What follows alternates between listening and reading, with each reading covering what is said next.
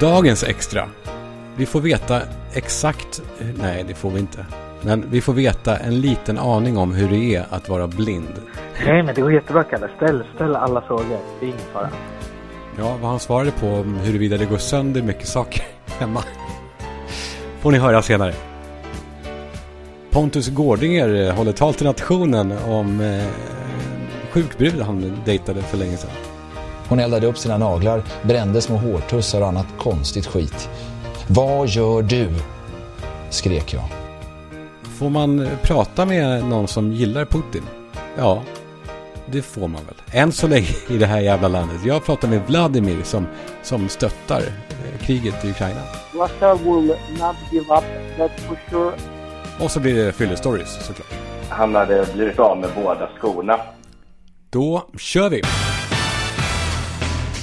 De dyker upp oftare och oftare, visst gör de det? De här som vill motivera oss, coacha oss och de som vill peppa oss att, att uppfylla våra drömmar och eh, förverkliga eh, oss själva och sådär. Och det är fint. Eh, det, det är ju det. Det är inte, det är inte ondska i alla fall.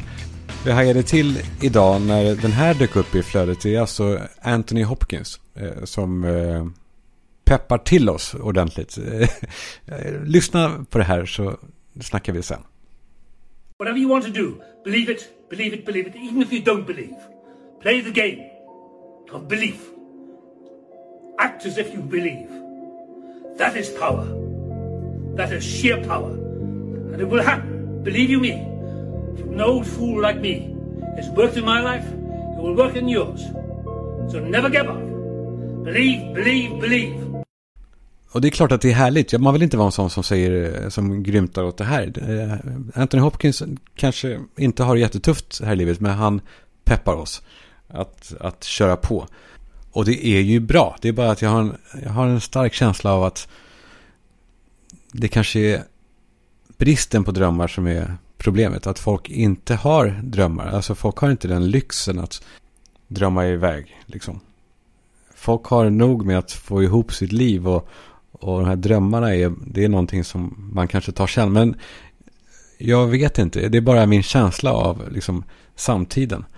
Att, att det här pushandet mot att uppfylla sina stora drömmar, det kanske bara skapar ännu större liksom, eh, känsla av misslyckande. Både för att man kanske inte lyckas då uppnå den här drömmen, men också kanske att man inte ens har en sån där stor livsomvälvande dröm. Jag tänker att den här hetsen om att uppfylla sina stora drömmar kanske bara eh, skapar mest stress hos folk. Så min idé är att uppfylla de små drömmarna hos andra människor. Så, är ni med? Det var inte det här min stora dag-grejen utan de här pyttegrejerna som är små men kan betyda ändå mycket. Jag tänker att jag ska ringa eh, Tom Allan, min lilla eh, pojke, min son. Tom Allan, är du där? Hej. Visst ville du ha ett paket fotbollskort imorgon? Sa det? Jag säger att du får det. Ja, okej. Okay. Och du, eh, Penny. Ja? Visst ville du ha sån här eh, Robux till eh, spelet? Ja. Vad kostar det? 27 för det är så mycket jag vill ha. Du får det. Sån är jag. Jag uppfyller folks små drömmar. Tack så mycket pappa. Vi hörs sen då. Ja. Puss. Puss. Vi ska ha kontakt med Pontus Gårdinger. Eh, Pontus, vad drömmer du om för små saker? Finns det någonting jag kan liksom uppfylla åt dig? Nej, det tror jag faktiskt inte att jag har. Ibland känner man sig lite knäpp när man sitter så här ensam. Så därför är det skönt att ha, ha med dig Pontus. Du behöver inte säga något. Det är bara härligt om du lyssnar. Ja. Eh, för jag skulle vilja prata om samtal. Fast i monologform. Eh, men samtalen pågår ju överallt hela tiden. Det som jag tror är en fara är när samtalen man har skiljer sig åt för mycket beroende på vem det är som lyssnar. Sluta. Du la, handlar på. Okej. Okay. Men alltså en och samma person kan känna sig tvingad att säga två helt olika saker. Allt beror på vem som är i samma rum. Och ännu farligare blir det väl om man väljer att tystna. Att man inte vågar säga något. Man är rädd att det, att det är fel. Vi har ett samtal som pågår i soffan där hemma ju allihopa. Eh, det är mellan oss och de vi bor med. Eller nära kompisar. Och det som sägs där, det kan ju ligga, det måste inte, men det kan ligga ganska nära det som man, det som man ju egentligen känner där inne. Och hemma tar man alltså då ut svängarna rejält. För den man lever med har ju liksom förhoppningsvis någon gång eh, fattat tycke för en och, och kan förlåta en om, om man säger något riktigt dumt eller skämtar fel. Eh, som, ja, men man skulle kunna säga någonting om att, eh, om att manliga romer som förr i tiden hade lite mer stil. Alltså då hade de ju blå chinos och välputsade skor och, och, och vit skjorta och mockajacka. Eh, det, det, så kanske det var. Eller så var, var det nog. Men det är inget som man pratar om liksom var som helst. Det kan man dryfta hemma möjligen.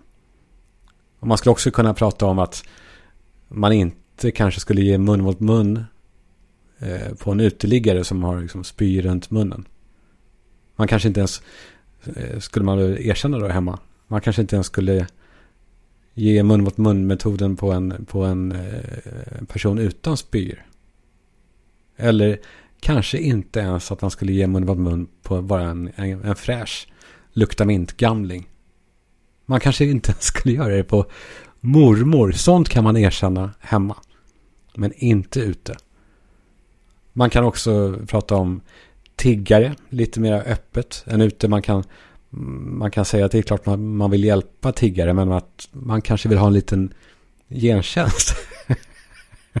man kanske vill att de ska göra någonting för att få pengen. Kanske liksom eh, jonglera eller något. Eller... Ja, ni fattar, det är sånt som man kan känna sig trygg i att prata om öppet hemma. Utan risk att bli liksom kölhalad eh, där ute. Där ute i livet eller på sociala medier. Men skulle man ta det man säger där ut, då är det ju kört. Då är man ju, ja men man är stekt. Man kan ju hälsa hem. Och då handlar det inte längre eh, som det gjorde förr om att man kunde byta stad eller kommun eller socken eller eh, inte ens land kan man byta. Utan nu, är man ju, nu blir man ju jagad över hela världen.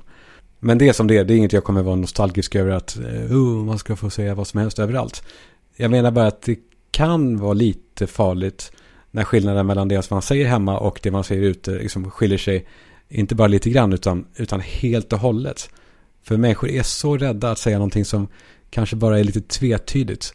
Att de plötsligt till och med byter åsikt rakt av, svart till vitt. Som den här grejen om man skulle då eh, göra mun mot mun-metoden på en nedspydd tjackpundare. Eh, det som man väl kanske skulle kunna säga hemma. Plötsligt så är det ute att jag skulle eh, göra det. Jag skulle ge mun mot mun-metoden på precis vem som helst utan att tänka en sekund. Mm -mm. Så, sån är jag. Och jag har, ja, det finns inga problem med tiggare. Det, det gör det inte. Man, det är inte gäng. Det är inte, det är inte ligor. Det är det inte. Det är... Alltså jag hoppas ni är med på det här nu att jag är mitt emellan. Alltså jag tycker man ska få säga fel på lite halvt allvar. Jag tänker på det här med romerna och deras mockajackor.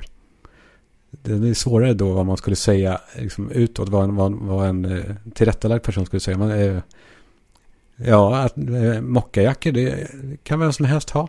Ja, det är inget konstigt. Det kan... Eh, det, kan ja, det jag vill komma fram till är att de här ogenomtänkta misstagen och felsägningarna och skämten och till och med om man säger något dumt med flit.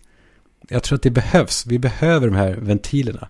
Vi behöver dem för att liksom hålla rent och öppet. Annars stannar allting upp och folk tystnar och tänker på de här sakerna och så blir det en tryckkokare som bara och så blir de svin.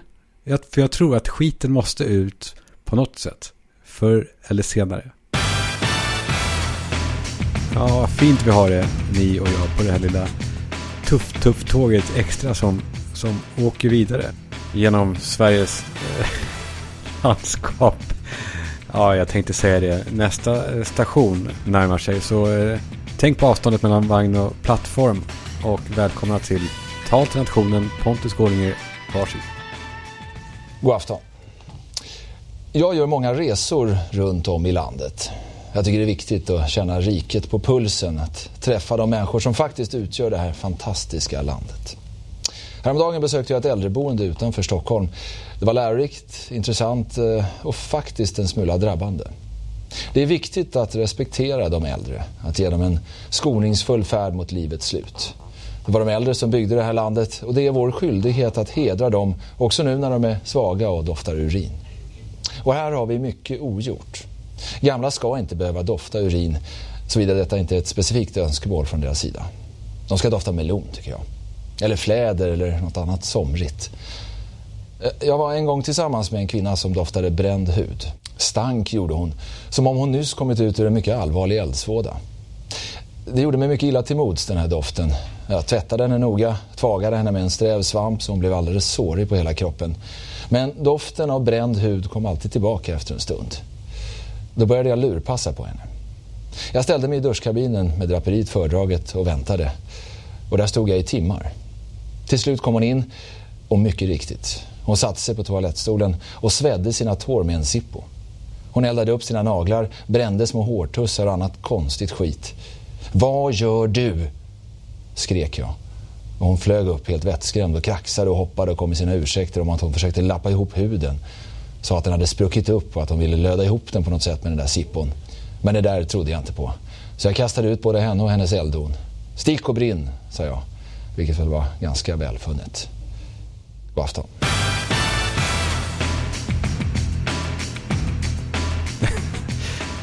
Tack Pontus. Eh, den här tjejen som Pontus pratar om, eh, vet ni vad som hände med henne? Jo, hon gick in på Boka Direkt när hon hade blivit utkastad. Eh, och så bokade hon en tid för fotvård så att hon blev av med de här problemen.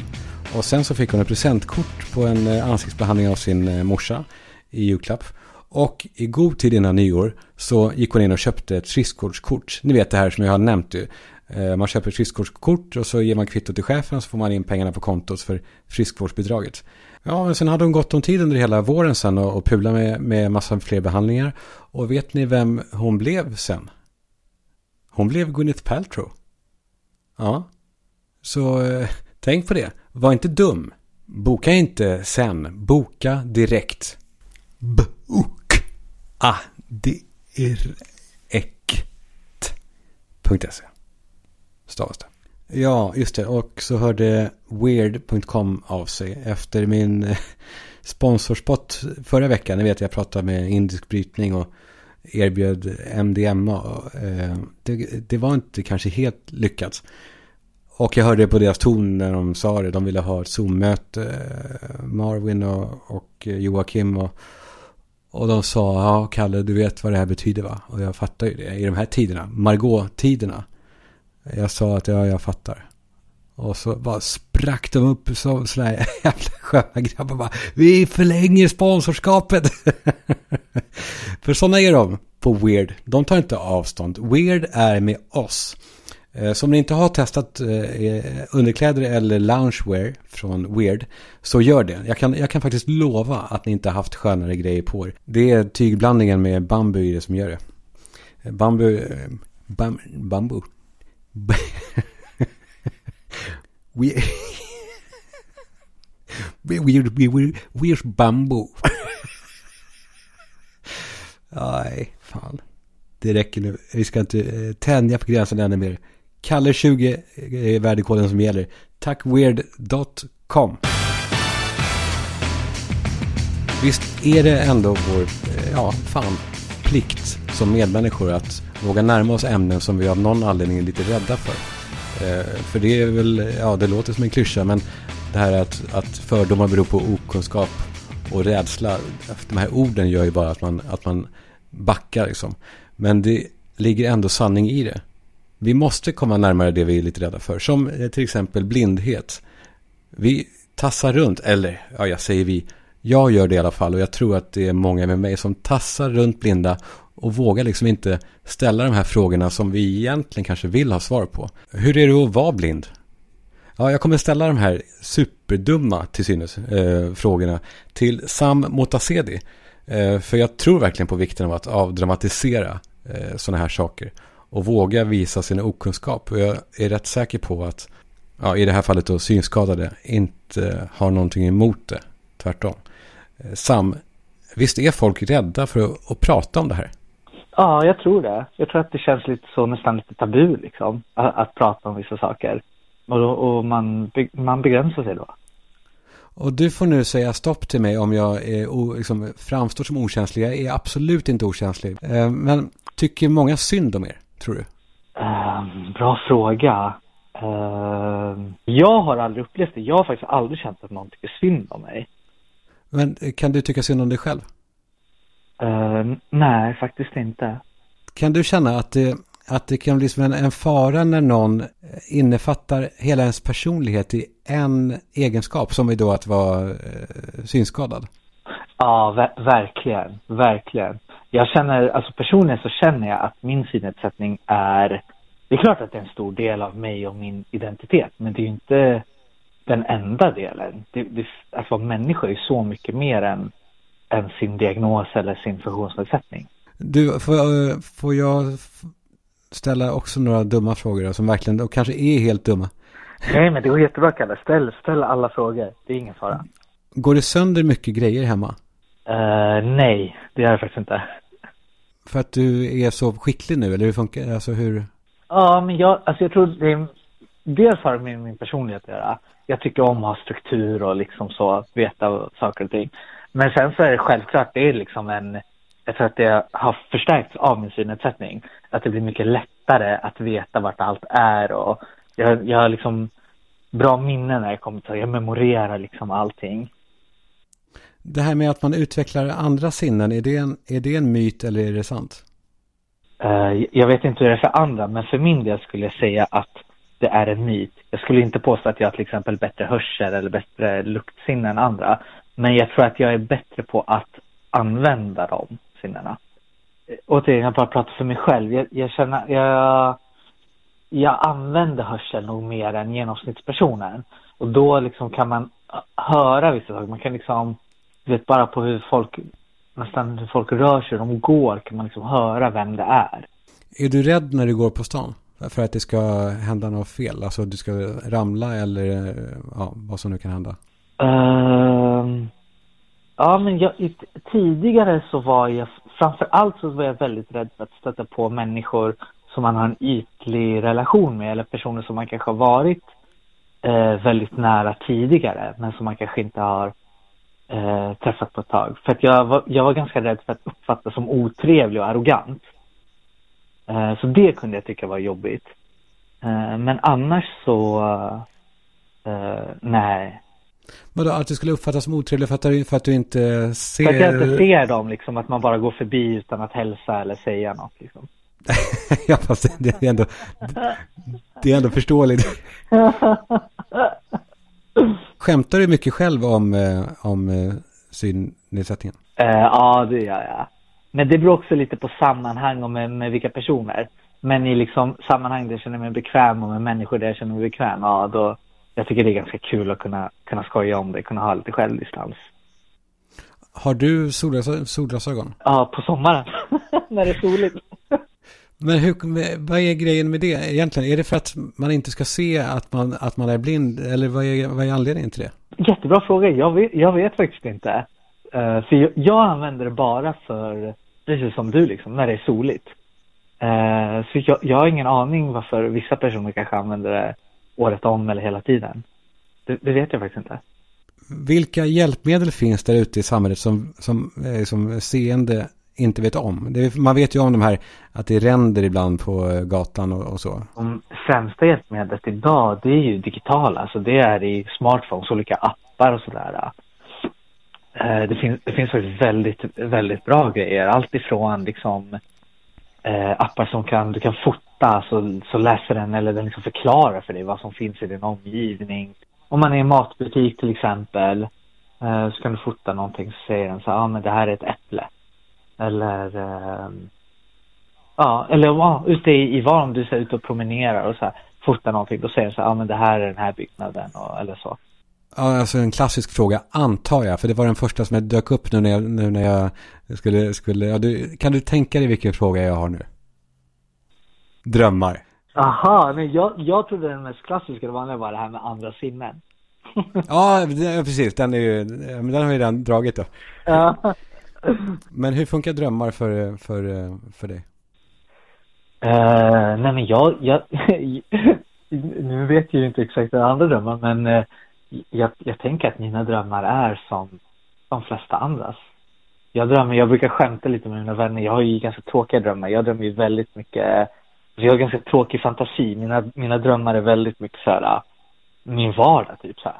Att jag sitter och dricker kaffe på kontoret eller hänger upp tvätt eller Det- Fan vad det, det, är så, det är otroligt att det kan vara så ändå laddat att, att prata med någon för mig som när jag pratar med dig. Att det är en sån jävla grej det här. Är inte det märkligt? Ja, jo men jag, jag önskar att folk eh, vågade fråga mer, s- ställa fler frågor. Jag, jag tänker att det är jätte, jättebra och jätteviktigt att man, att man kan prata öppet om, om sånt här. Och att, eh, som, som ni, jag säger också ni, som att ni är en jävla släkte eller någonting. Ju, men jag tror att det är vanligt med det. Alltså jag är nog, jag är rätt typisk tror jag, som, alltså, Svenne Banan som är så här, som, som bara buntar ihop er, ert, er, till en, en person typ, helt sjukt. Ja, men det är lätt när man inte vet liksom, när man inte har någon koll. Det, jag menar, så, så funkar ju människor. Det gör ju alla. Från nu, då kommer i alla fall jag känna mycket större eh, självsäkerhet i att kunna snacka och också skämta med, med eh, synskadade. Ja, vad bra. Se det för ska jag säga. Du, tack snälla för att du, för att du hjälper mig med, med eh, mina, mina komplex. Ja, nej men det var så lite. Tack, ha det bra. Hej då. Så över till ett ämne som har skavt nu på sista tiden. Eller inte bara sista tiden, det är snart ett år. Eh, Det handlar om eh, Ryssland och kriget i Ukraina. Det finns en känsla, tycker jag, av att vi i Sverige åtminstone mest får se ena sidan. Jag menar då inte eh, i det här som jag står i begrepp att göra, att ta ställning på minsta sätt. Eh, det enda jag vill är att, eh, är att skapa en tydligare bild något som jag faktiskt upplever att svensk media inte gör. Jag tycker inte att vi får båda sidorna. Jag tycker att vi som medborgare i ett fritt land behöver och förtjänar och alltså, har rätt till en, en, en, en rättvis bild av vad båda sidorna faktiskt tycker. Eh, som inte i sig tar, tar, tar ställning utan bara ger fakta. Nu är det ju svårt med fakta i krig. Eh, som är två olika faktor som slåss mot varandra. Eh, vi har fått ena eh, sedan februari. Jag vill hjälpa till att också ge en bild av den andra sidans eh, fakta. Vad de tycker och upplever är sant.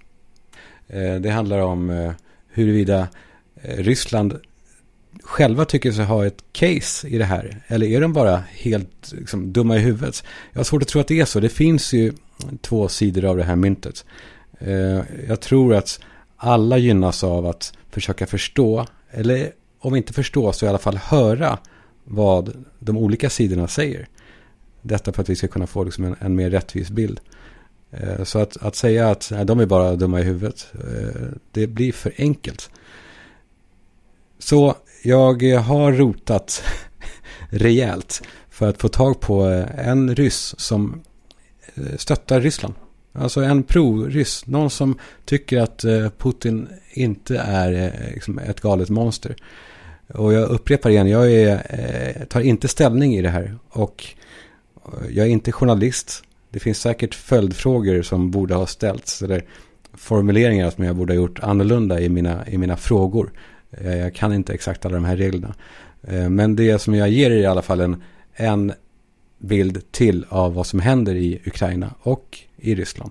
Eh, så jag har kontakt med Vladimir som inte vill gå ut med sitt efternamn av, av liksom förståeliga skäl. Han bor i Sverige nu men är uppväxt i Ukraina som ryss. Och det är väl det som gör det hela ganska intressant. Så Vladimir, why is Russia doing this? Ah, well, it's uh, actually long already historical uh, problem that was like uh, existing in the air maybe last 30 years. But uh, the thing is that uh, previous uh, lead, leaders in Russia they just ignored it until 2014, and then what happened in 2014 in Ukraine after that military coup, they decide to be part of it. But before that, everything was the same. I mean, the the Nazi uh, ideas was since 19, I would say 91, since uh, Soviet Union collapsed. So that's why uh, Russia right now more involved uh, in in that um, in that situation right now. So it's like a really really long historical story.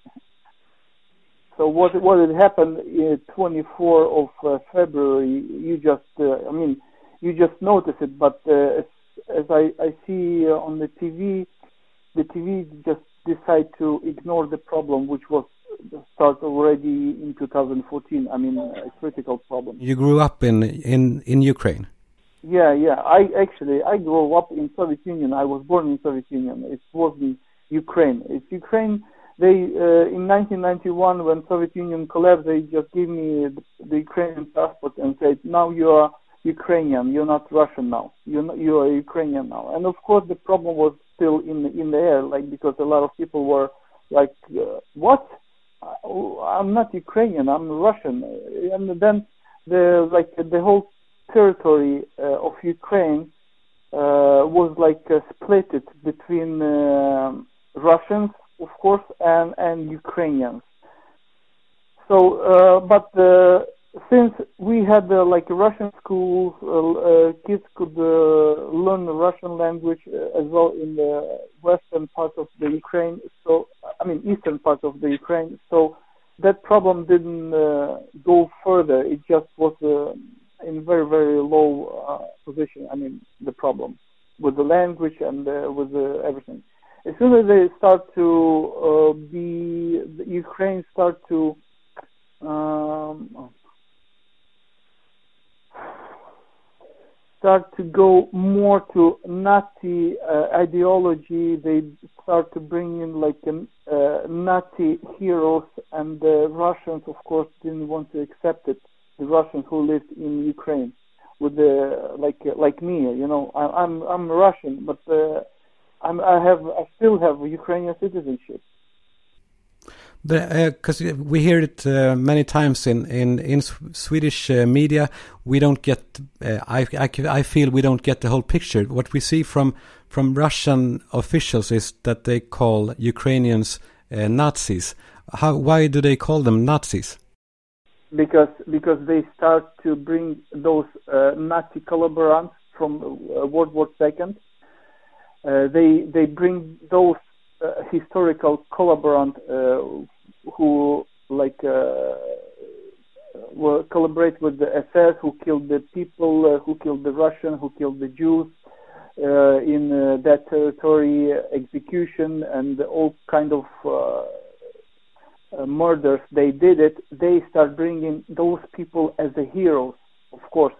And then uh, uh, they in 2014 they start making like nazi squads like azov like donbass 1 donbass 2 and another nazi squad were which were involved in killing civilians and killing killing and torturing those people. uh, on the occupied territory uh, under Ukraine, they start to like uh, did um, like torturing execution because the people didn't want to accept that Nazi ideology. From those who didn't want to accept was like really badly punished to to the death or in the jail when Russians are calling Ukrainians Nazis, it that's it's not nonsense. It, it has a it has a, a, truth somewhere. You think?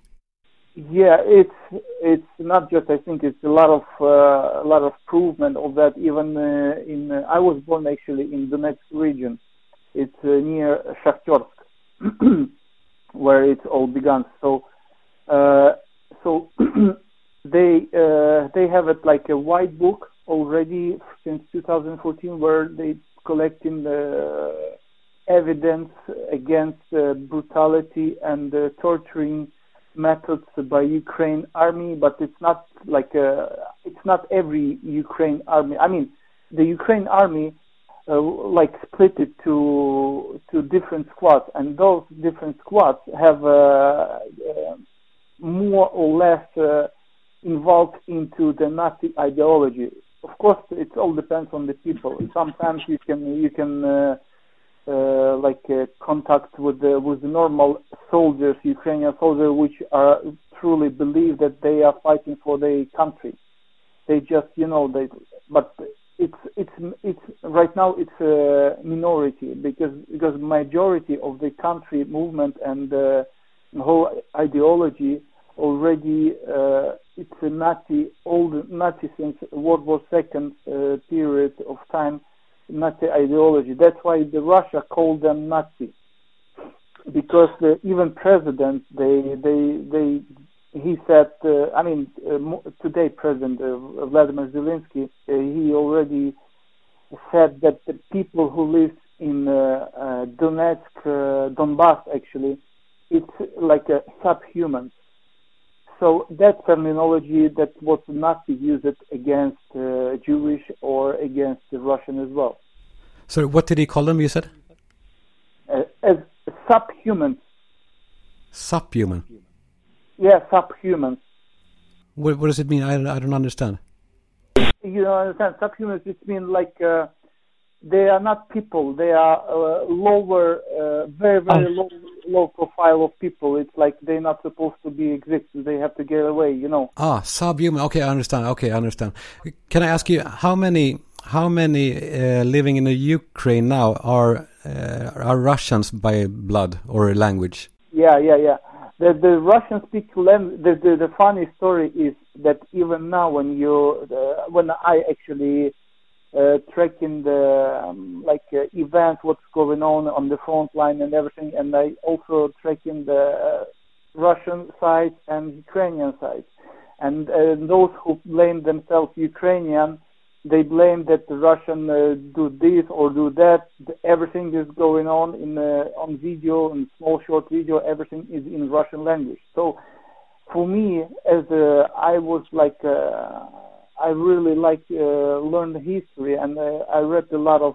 I mean, I'm a, like an amateur historian, hist- historian. So uh, uh, I cannot say that I'm professional historian, but uh, uh, I can say that uh, for me, as a, it's that war, it's Russians between Russians. But one Russians, they know that they are Russians, Another Russians, they believe that they are Ukraine. So Ukraine or Ukrainian, it's more like ideology now it's not a nation. It's uh, it's they are all Russian because uh, the old cities that we have in Ukraine territory even today, all of them were built by Russians in different type of history. They didn't build anything. We gave them the. I mean, Russia gave that territory in uh, 1991, and uh, because of uh, communist period from 1917 uh, till 1991, the, the the communist idea was the communism, not uh, nationalities. So they don't, don't care. So they that part of Russia territory they name it Ukrainian territory, and another part of Russian territory they name it uh, Kazakhstan, Uzbekistan, and those are like uh, artificial created territory now become as a country, the, which they never been as a country. They never exist in the history. You know, it's everything like uh, even Soviet Union was uh, like an artificial creation by the communist ideology. So it's it's really really deep, long story. And uh, Russia official, uh, I would say, media or uh, foreign ministry, they they follow it that uh, that historic. It's like basic, you know, for for them. So every position today, every uh modern, I mean, during today every position of the Russian foreign ministry based on that history, on the history of Soviet Union, on the history of Russian Empire, on the history of the Russia. So uh, it's uh, that conflict. It's like uh, more, uh, more like a civil war. It's not uh, like a war between countries. It's more like civil war. But as soon as the NATO will be more involved in that conflict, then that that conflict might be more than the civil war. How many uh, people living in in Ukraine uh, support uh, Vladimir Putin? So a lot of people, a lot of my family, a lot of uh, even those who are actually on the other territory controlled right now uh, by Ukraine uh, government. a lot of people, and uh, uh, you know, uh, I ended up school in 1994, and Soviet Union collapsed in 1991. So from 1991 to 1994, they changed the history books three every year. So every year uh, from 1991 and then until I finished up my school, I start uh, uh, confused by the historian historian books because that type of history that they read in the books it was totally created by I don't know who. You know, it's like uh, totally nonsense. And of course, that brainwashing uh, from the school starts going, going until now. And of course, those Russians who were in 1991 and didn't leave the country and didn't move because a lot of people moved back to the Russia territory and a lot of people stayed there in that uh, newly created Ukrainian country. And of course, it was like more than 50% of population in that time. But today, during today, I believe it's like around up to 20 million people. Up to 20 million people uh, that are. Yeah, yeah, up to 20 million people in the modern Ukraine territory.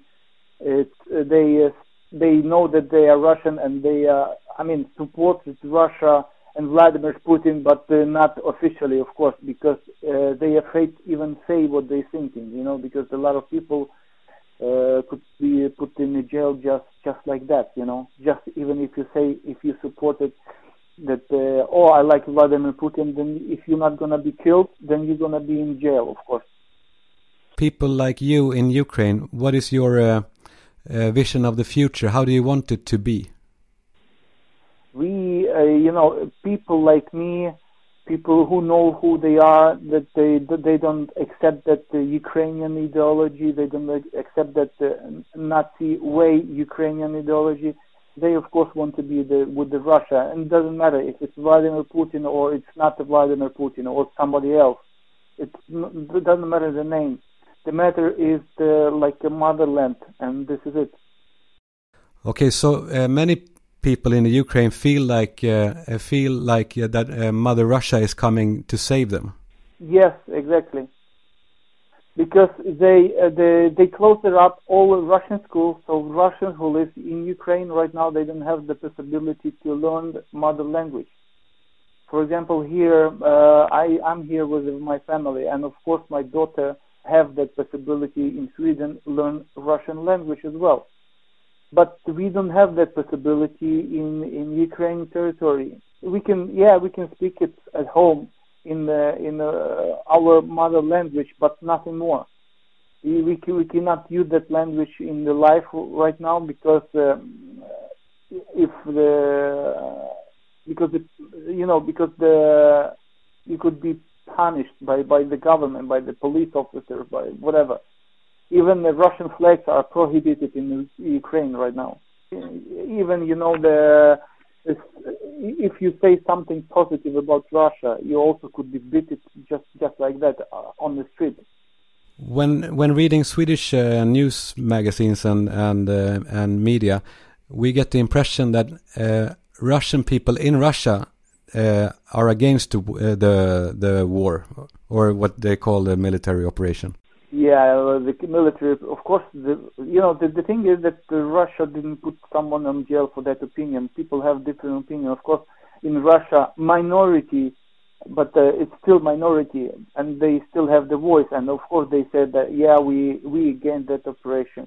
But the uh, majority, that's the leader. I mean, majority of the country, of course, they supporting Vladimir Putin, and you can see that uh, in the voting procedure that they, they voting for uh, not just for the president they just voting you know for the we have a different uh, i mean in russia you got uh, like uh, the party voting, uh, of course, and the people show the uh, like uh,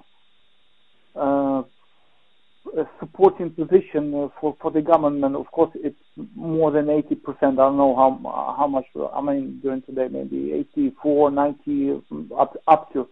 So tho- those uh, less than 20 percent, I believe it's like around 12. So of course, those people are not reporting; They have different opinions and uh, this is it. But it's not. The thing is that uh, when you in media in Sweden, when they show the, that uh, minority and they show them as a majority, it's wrong. It's it's like a fake, you know. It's a fake position. I mean, you can show them, but you also have to say, oh, you know, it's it's just you know a small amount of people that they're thinking like that. The majority of the country, of course, they are supporting the position of the country, uh, Putin position, or uh, you know the Russian position. So, in your opinion, uh, we don't get the whole truth in in uh, Sweden and other Western countries. No, that the, I'm every time when I turn on the TV in SVT at or Expressen, you got only one position. You got position against Russia, and you don't have you don't. I mean, you don't send the reporters to the other side of the like uh, front line. If from front line you got you show them always that position, uh, Ukrainian position. You never uh, they never show that uh, other side of opinion of people. You know. Why? They they start fighting in uh, 2014, and uh, none of the reporters, officially reporters in Sweden, I never see that. Maybe maybe you got more information about that, but I never see that uh, someone go to the other side and uh, show the opinion of uh, other people from other side. Why do you think it is like this? well, it's uh, it's really really. Uh, I know why because you know the Sweden support uh, officially, I would say, uh, United States way of uh, viewing of the world. Uh, Sweden, in my opinion, didn't have a like independent opinion. They they afraid to probably, and then it's not just the Sweden and all uh, all, all all those countries who are in NATO, all, all those countries who are in uh, like Western countries that we call it Western countries. A lot of uh, they afraid to show their like real position. Like for example, right now Hungary, Hun- on Hungary in Europe right now, they try to show independent position in any uh, situation that we have it right now in Europe. But uh, what we see everyone tries to say, "Oh, those are dictators." As soon as you you, you said something um, in in your way, in not in the way that American wants, they they blame you. Oh, you are a dictator. Uh, Corban, you are a dictator. The Hung- Hungarian uh, prime minister, or or someone uh, like uh, or somebody else who who who who who dare to have a different opinion from official, you know from United States. So it's uh, it's it's really really a deep problem, and uh, and I believe it's going to be like that until until the economy of the United States will collapse. Then they will be more involved in their own problem, and then the Europe might be more independent, even with the opinion. What do you think will uh, will happen now? Will it be a, a, a large scale war, or uh, will uh, or will Russia give up, or what will happen? Do you think? in my opinion, as I see right now, and Russia will not give up. That's for sure. And of course, if U.S or any other NATO country will be more involved in that conflict, then that conflict might be more than just a conflict in that territory. And uh, none of the official uh, people in, uh, I mean, official um, politicians in Russia, none of them uh, said that uh, they're going to use the nuclear weapons. That, as I see in the BBC or CNN, they claim it that the, all Russians said that we're gonna use the nuclear weapon, but the President Putin never said that. He never said that, oh, I'm going to use the nuclear weapons in Ukraine. Never. It's, it's totally fake. But he just warned them that uh, if you're going to be, I mean, you, uh, he means uh, Western country, NATO countries, if you're going to be more involved there, then it might be uh, uh, it might be that that conflict become uh, like a nuclear conflict as well, but uh, not in that territory. The nuclear conflict could be in the whole European Union or even American continent as well. That's what he meant. That uh, he like, just like a warning to, but he never said that he's gonna use it first. In uh, Russian military doctrine, we, we, we didn't have that opportunity. We only uh, in Russian military doct- doctrine, it's only like uh, that uh, Russia will fight back, but not the first. And of course, in the history, who used the nuclear weapon in the history?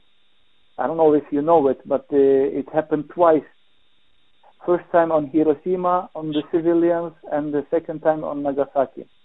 They they dropped the nuclear weapon on the civilians, and that was United States, never Russia. Thank you, Vladimir, for uh, for uh, showing uh, another aspect of this matter. N- no problem. Thank you very much. You're welcome. Mm, för att ja, följa traditionen av extra att blanda högt och lågt så ja, vi kan väl avsluta med, ett, med en härlig fyllestory. Ja. Jag, jag tycker det är anständigt. Jakob Florberger, du är tillbaka. Yes, Kör! yes. Ja, du förresten, jag, måste, jag, berätt, jag hörde en så jävla ball grej i helgen. Eh, en, eh, en bekant jag träffade som eh, hade blivit bjuden till eh, New York eh, av sin flickvän. De var där en lång helg och så, eh, ja du har ju säkert varit i New York, du vet ju hur gött det är liksom. Men han, eh, på söndag så satt de och käkade och tog en drink typ och han bara, så sa han till henne, du, eh, jag, eh, jag stannar jag, jag kommer inte hänga med hem liksom. Och hon bara, men vad menar du? Du har ju, du har inget visum liksom, inga pengar, ingenting typ. Så han fick åka med henne hem.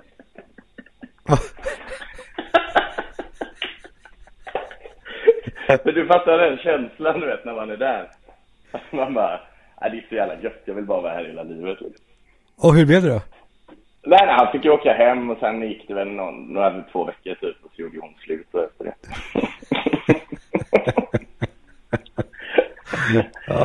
ja, men eh, ja, den riktiga storyn jag ska berätta. Ja. Det är eh, en polare till mig som pluggade i Växjö och bodde där på campus. De hade varit eh, ute, det var en riktigt blöt kväll och han hade blivit av med båda skorna. Och det var rätt kallt ute. Så han gick in på en pizzeria, beställde två eh, calzone med krispig botten och eh, satte dem på fötterna och gick hem.